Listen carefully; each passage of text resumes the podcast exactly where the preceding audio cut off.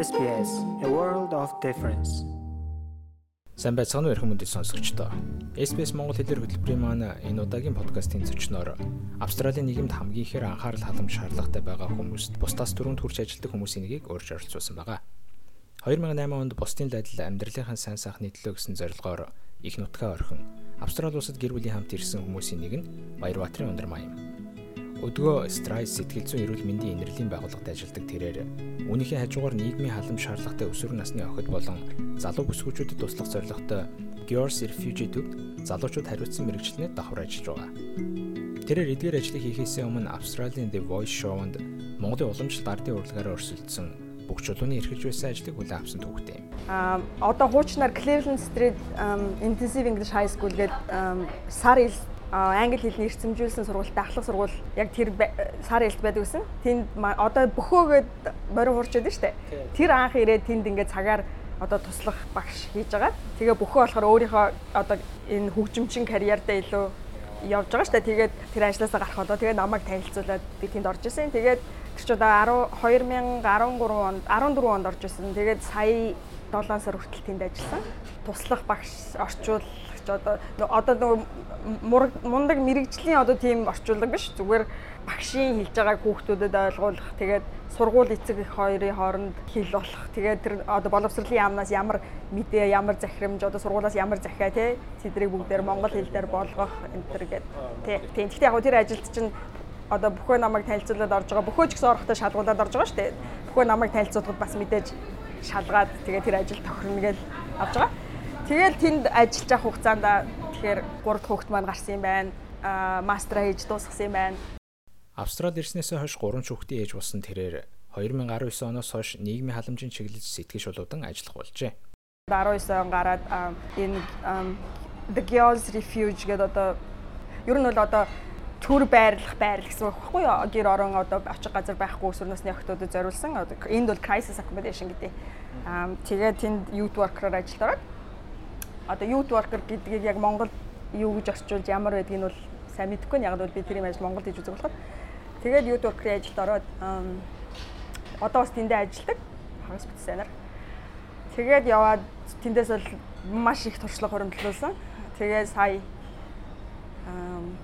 тэр сургуульд ажилласаа гараад одоо яг одоо 8 сараас эхлээд Stride гэдэг Монголоор тайлбарлах юм бол одоо энэ одоо групп гэдэг шиг тийм одоо авдаг. Улс одоо улс ингээд нэг одоо чи одоо ингээд би ичвэл би зүгээсээ ч юм уу эсвэл одоо psychosocial зүгээсээ одоо гимтэлтэй ч юм уу юу гэх юм? Одоо групп орно штэ чам тусламж хэрэгтэй тэгээ тодорхой хэмжээний мөнгө одоо иншүрэнс ч юм уу. Тий ер нь энд бол NDIS иншүрэнс гэдэг. Тэгээд чамд ингээд мөнгө одоо улсаас бажет гаргаад а тэрий чинь одоо энэ одоо ашигын бус яг тэр одоо тусламж үзүүлдэг газруудаар дамжаад шаардлагатай үйлчлэгийг аавна гэсэн үг байхгүй. Тэгэхээр тэр stride гэдэг нь болохоор тэр insurance одоо энэ хүн хоёрын голд байдаг ашигын бус байгууллага. Тэгээд одоо сэтгэл зүйн эрүүл мэндийн тал дээр нь дэмжлэг туслал за одоо одоо recovery гэж ярьдаг. За одоо community-да яаж сайн recover хийх үү? Тэрэнд нь туслалцаа үзүүлдэг газар ахгүй. Тэрэнд тэгээд mental health support worker буюу одоо яг одоо one on one гэж ярьдаг шүү дээ. Яг нэг бүрчлэн тэр хүмүүс одоо community advocacy гэдэг одоо өдөр тутамд тулгандаад байгаа ямар асуудлууд байна тэрийг давж туулахт нь яг ингээд нэг бүрчлэн тусламж үзүүлдэг гэсэн. Жухамдаа social worker гэж хин юм бэ? Бидний мэдих нийгмийн ажилтан гэдэг хүнээс ялгаатай болов уу? Ер нь одоо энэ чинь хүн гэдэг чинь тэгэл бүх одоо энэ ер нь харилцаа холбоон дээр л хүний амьдрал явагдаж байгаа шүү дээ. Иргэн тойрон нийгэм одоо тий энэ бүх харилцаан дээр ямар ч асуудал үүсэн штэ хүндрэлтэй. Одоо хүний өнгөрүүлсэн туршлагатай туулж байгаа зовлон яа юу одоо энэ бүх юмн дээр чинь энэ харилцаан дээр яалтчгүй тусламж хэрэгтэй. Одоо би ч өвдсөн бол энэчээс тусламж авчин а одоо яад ингээл тусламж авчин гэтэл тэр тэр олон харилцаан дээр үүсэж байгаа тэр тусламжийг одоо жишээлбэл энтхийх дээр бол одоо энэ social worker руу айгуух ажилдаг одоо жишээлбэл эмнэлэгт та хөвтөд одоо за жишээлбэл одоо би чи хүнд өвдсөн байлаа гэтэл гэж бодъё те. Тэр чинь ганцхан таны өвчин биш ба таны ар гэрийн амьдрал санхүү олон юмд чинь одоо ингээд санаа зовно гэсэн үг байхгүй юу? Зөвхөн таны биеийг имчлэх биш.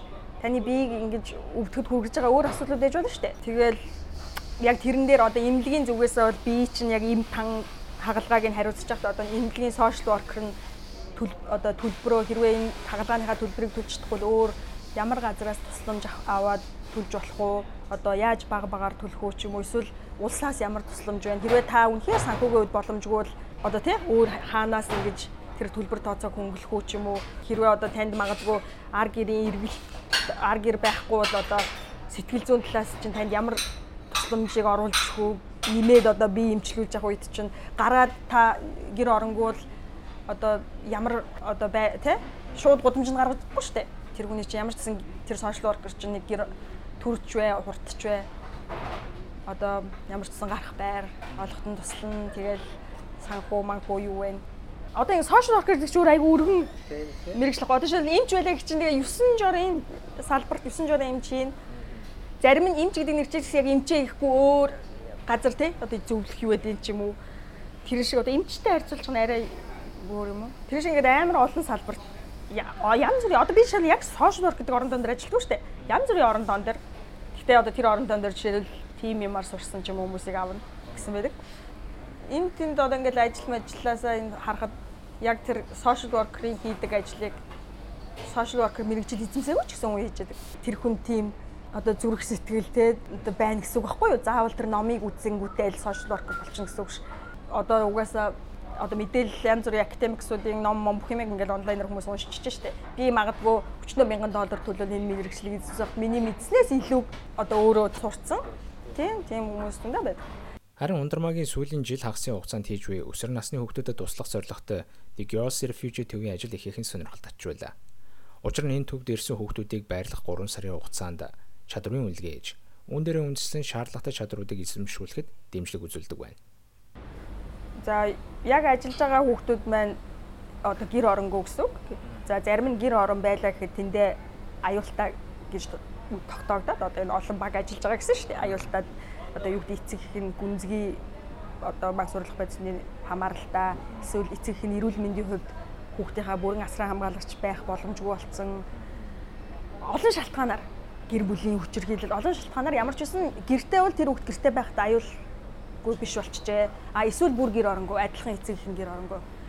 Тийм хүүхдүүдэд ингээд ер нь 3 сарын хугацаагаар байлгаад 3 сарын хугацаанд байхдаа тэр хүүхдүүдэд хүүхдүүдийн одоо чадах чинээгээр одоо хамгийн ихнийх нь living skill гэдэг одоо амьдрал амьдралын өдөр тутамд хэрэглэгдэх чадвар Магадгүй бидний хувьд өглөө осоод одоо түрүү хэлсэнтэй шүтээ угаагаад эсвэл хэртэ хувцас өдөрт булхан солиод усанд ороод өөртөө хоол хийж идээд угаалгын машин ашиглаад хувцас ашиглах нь эсвэл одоо банкныхаа картнаас мөнгө авах нь ч юм уу бид нэр анзаарахгүйгээр бид нар чинь скил авахгүй бол гэтэл бид нар сурцсан яам бид нар төвөг байхгүй ягаад гэвэл бид нар бидний одоо сэтгэл зүйн хувьд амьдралын хувьд эдийн хувьд нийгмийн хувьд ингээд эрүүл тий явж байгаа болохоор а гэтэл тэр хүүхдүүдийн хувьд одоо энэ австралид ч гэдэг өнөөдөр 2020 онд угаалгын машин ажиллаж мэдгүй үзээгүй тийм өсвөр насны хүүхдтэй тааралж байсан. Үнэхээр үнэхээр өрөвдөд бүр уйлмаар санагдчихсан чи юу вэ гэхээр тэр хүүхдэд тийм боломж олдог байхгүй юу?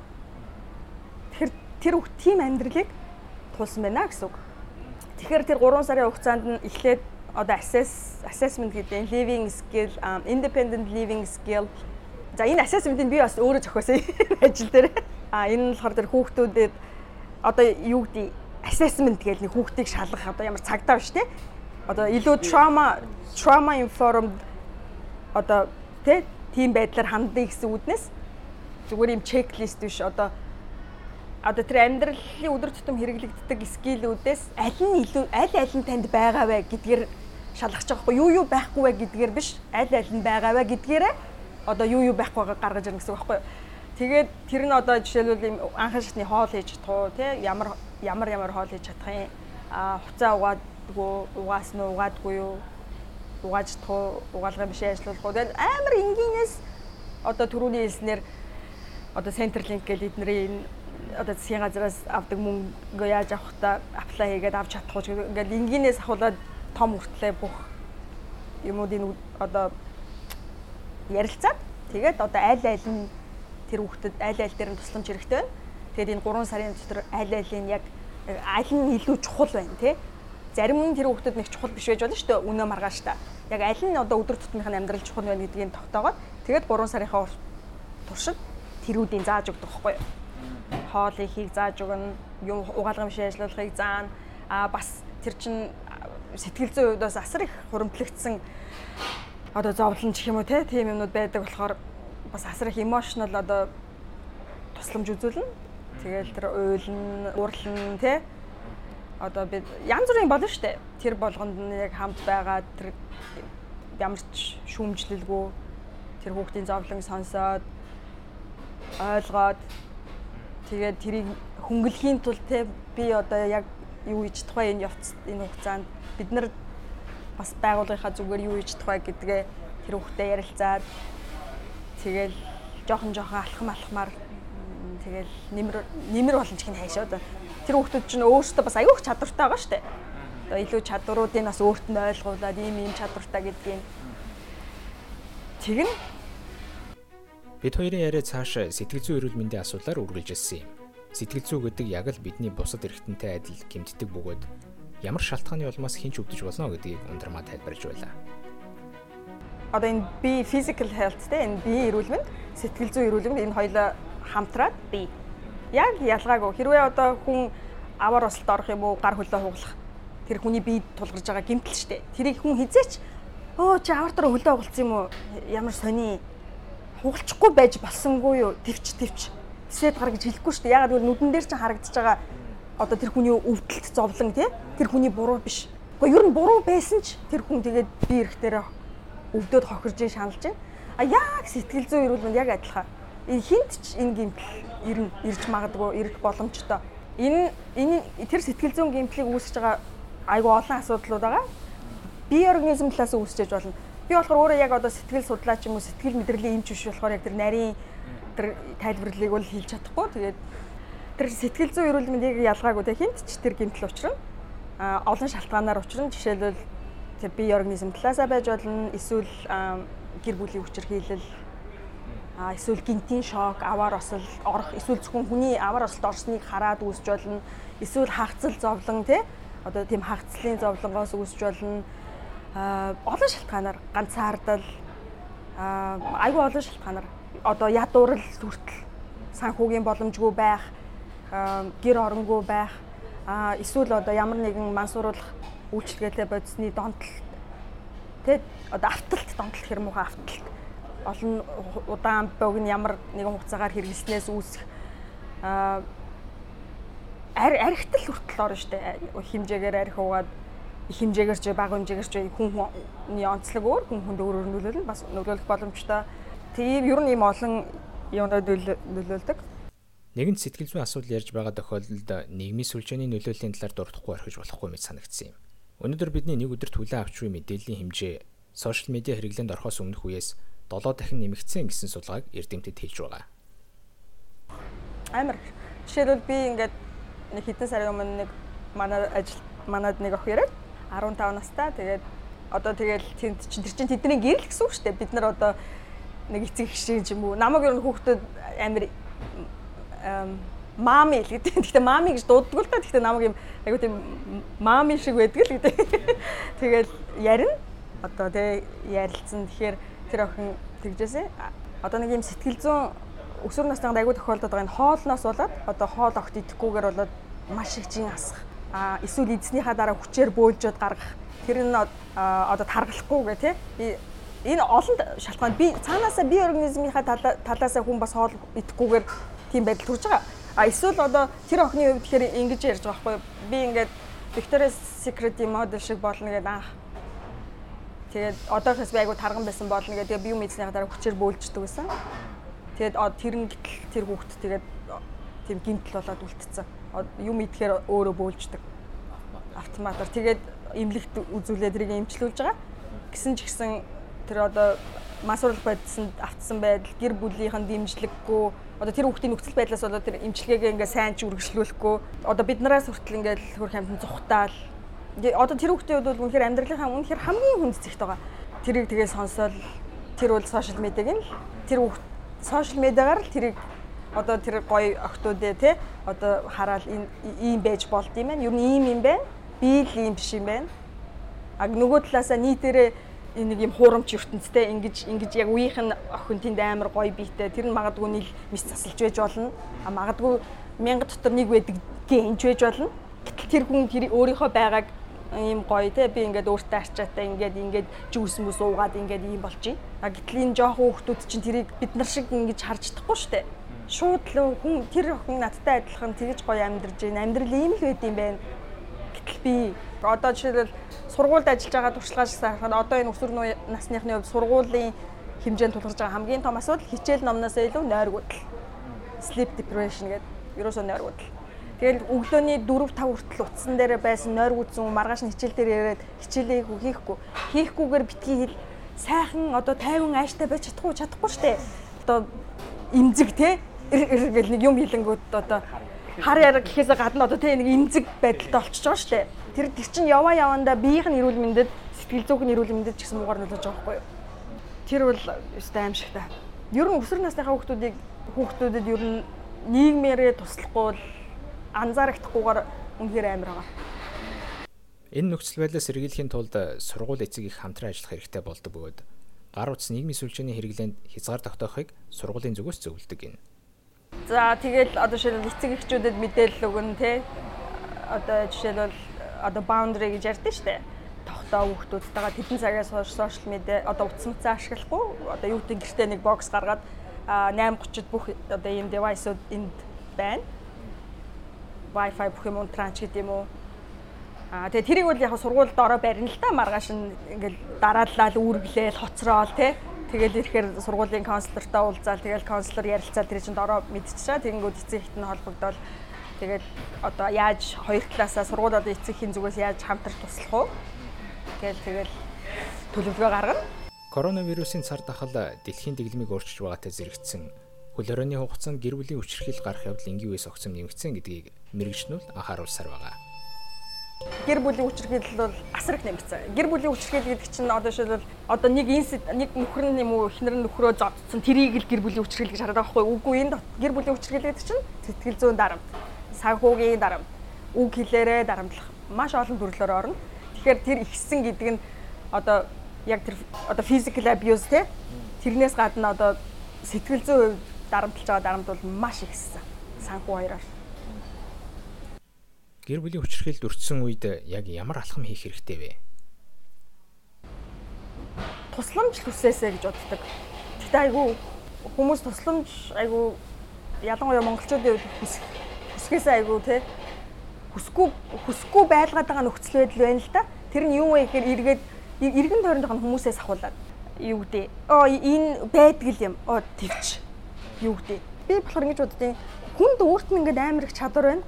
Байхад эргэн тойрных нь хүмүүс хүнийг айгүйх ингээд буруу өөртөө буруу мэдээлэлтэй ч юм уу буруугасаа болоод хүнийг айгүйх хохироогод идэм санагдаад байна. Тэгэхээр тэр иргэн ер нь нийт хүмүүст л хандаж бити хүнийг ийм байдал түргээч. бити хүнийг шүүмжлээч. бити хүнд буруу зөвлөгөө өгөөч. Тэ хүнд сэтгэлээ онгойлгох тийм боломжийг олгооч.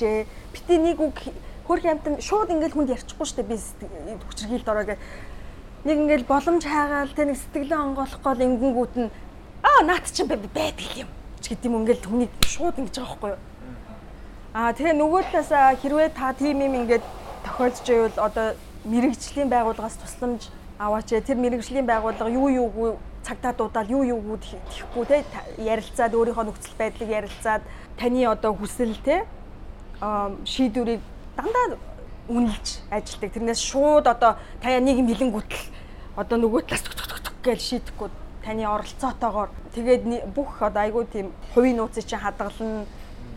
Тэгэхээр ерөөсөө бити санаа зовоосоо бити удаагаасаа ер нь эртгэн одоо шин хардтал тэгэл ярьдэн штэ.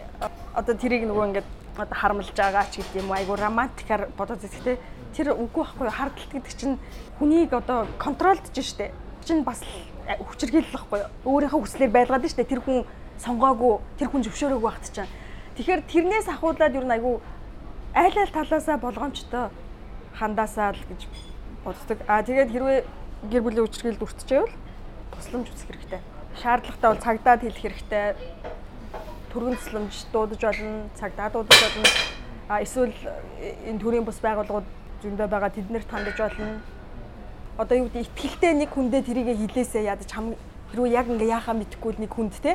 А тэгээд нөгөө талд нь хүмүүс хүмүүс минь та нар бити хүнийг шүмжилж байгаа ч бити хүнд хүнд ер нь юм хэлэхээсээ сонсох нь надад илүү чухал байд юм санагддаг.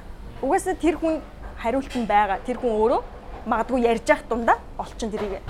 Зүгээр л тэр хүн тэр аюулгүй орон цагийг гаргаадаг. Бити хүнийг шүүмжил. Хүний тэр амар тэр хэцүү хүнд моментаа ингээд хуваалцж явах бити тэрийг цааш нь ярь. Буцаад тэр цааш нь ярьж байгаагаараа энэ хүнийг асар хүнд байдалд оруулж байгаа байхгүй юу? Ундрмагийн мөрөлч гисэн түүний одоогийн хийж буй ажилтай шууд уялдаатай. Мөрөөддөд би ингээ Монголцчод одоо rehab гэж ярьдэн штэ тэ нөхөн сэргээх төв байгуулад ерөөсөө аль болох үн мөнгөгүй те гоё хүний нууцыг хадгалдаг хинч хурж ирнэ өсвөр насны. Тэгээд биеийнх нь хорыг тайлаад ер нь тэр мансууруулах байдас бол би биеийн хор бол айгу хурдан тайлагддаг. А сэтгэл зүйх бол айгу цаг шаардлагатай. Тэгэхээр тэрэнд нь туслаад өшөөд би одоо ганцаараа тэрийг чадахгүй шүү дээ тэр чинь мэрэгжлийн өөр одоо эмч хэрэгтэй сэтгэл зүйч хэрэгтэй. Одоо тэр биеийн recovery одоо биеийнхээ хувьд эрүүлжихэд өөр одоо сувлал юу байдгийг хэрэгтэй те энэ бүгдийг гоё ингээд оруулж ирээд нэг хүнд ихт чинь ийм олон тусламж гаргаад тэгээд тэр авталтаасаа салахт нь туслаад тэгээд цаашдаа гоё тэгээ баяртаа гэдээ явуулчихгүй ингээд хизээ тэр хүн өөртөө ихтгэлтэй ингээд те болон тэр хүртэл ингээ гоё дэмжээд тэг тийм төв байгуулах юмсан гэж боддог. Эцэст тэрээр дараах зүйлийг эцэг эхчүүдэд хандан захиж байлаа. Брюс Перри гэдэг нэг академик гэдэг байхгүй юу? Одоо энэ хүүхдүүдийн одоо энэ туулж байгаа одоо энэ те зовлонтой ч юм уу энэ энэ хүнд амьдрал тэр хүмүүсийг хүүхдийг одоо ямар болгодог вэ? Тэр насан турш хойно тэр яаж одоо нөлөөсөөр те хүн дээр тусаар байдаг вэ гэдэг. Ер нь одоо энэ одоо trauma informed approach гэдгийг гэдгийг загалмайлсан хүмүүсийн нэг тэр тэр хүний a boy raised as a dog гэдэг нэртэй хономын. Тэр номыг ингээд орчуулдаг хүмүүс байвал орчуулаасаа. А англи хэл дээр уншдаг тэр номыг олж уншаасаа тэгвэл ямар ч одоо хүн уншсан хүн энэ хүүх тэр одоо хүний туулсан тэр хүнд амьдрал хүнд яаж нөлөөлдгийг ямар ч ойлгоно. Үнэхээр гайхамшигтай ном. Би тэр номыг хоёр удаа уншсан. Одоо миний ширээний ном гэж уулзсан танилцсан хүн болгонд энэ номыг уншаарай. Үнэхээр тэр trauma informed approach гэж юу гэдгийг үнэхээр надад ойлгуулсан. Үнэхээр ойлгуулсан. Тэр номыг уншаасаа тэрийг орчуулаасаа манай орчуулагч нар тий гой гой орчуулдаг хүмүүс байгаа шүү дээ гэж боддог. Тэгээ дээрэс нь одоо хүн те нэг нэгнээ эргэн тойрноо таньдагч вэ таньдгүйч вэ хүн гэдгээр нь хүндэлж байгаасаа хайрлаж байгаасаа бити хүнийг шүүж байгаасаа хүнээс юм асуухтаа хүртэл болгоомжтой байгаасаа тий гэж амирх боддог. Ягаад гэвэл хүмүүсийн анзаарахгүй байдал хүнийг айгүй өвдүүлдэг. Айгүй бид магадгүй зүгээр энгийн өнөөдөр жирийн одоо байгаа хүмүүс тэр нь анзаарахдахгүй нарийн шарган ч юм уу болоод явж байж магадгүй. Гэтэл үнэхээр асар их сэтгэл зүйн зовлонтой тий ер нь би сэтгэлээрээ тулж байгаа зовлонтой тэр тэр хүний амиа орлох шалтгаанч болж болно. Тэр нэг жижиг үг. Ундрмагийн хувьд Австралид анх хөл тавихтаа магистрийн зэрэг аваад нийгмийн халамжийн чиглэлээр ажиллахыг хүртэл болгоогүйч сайн нөхөр гэр бүлийн дэмжлэгийн ашаар өнөөдөр Австралийн эмзэг бүлгийн иргэд ирээдүйн хожвыг амьдралд хөлөө олоход нь өөрийн тусыг үргэж явна. Австрали улсад байгаа бусад монголчуудтайгаа холбогдоорой. SBS.com-ийг аюу уршаа зураас Mongolian хуудасаар зочлоорой.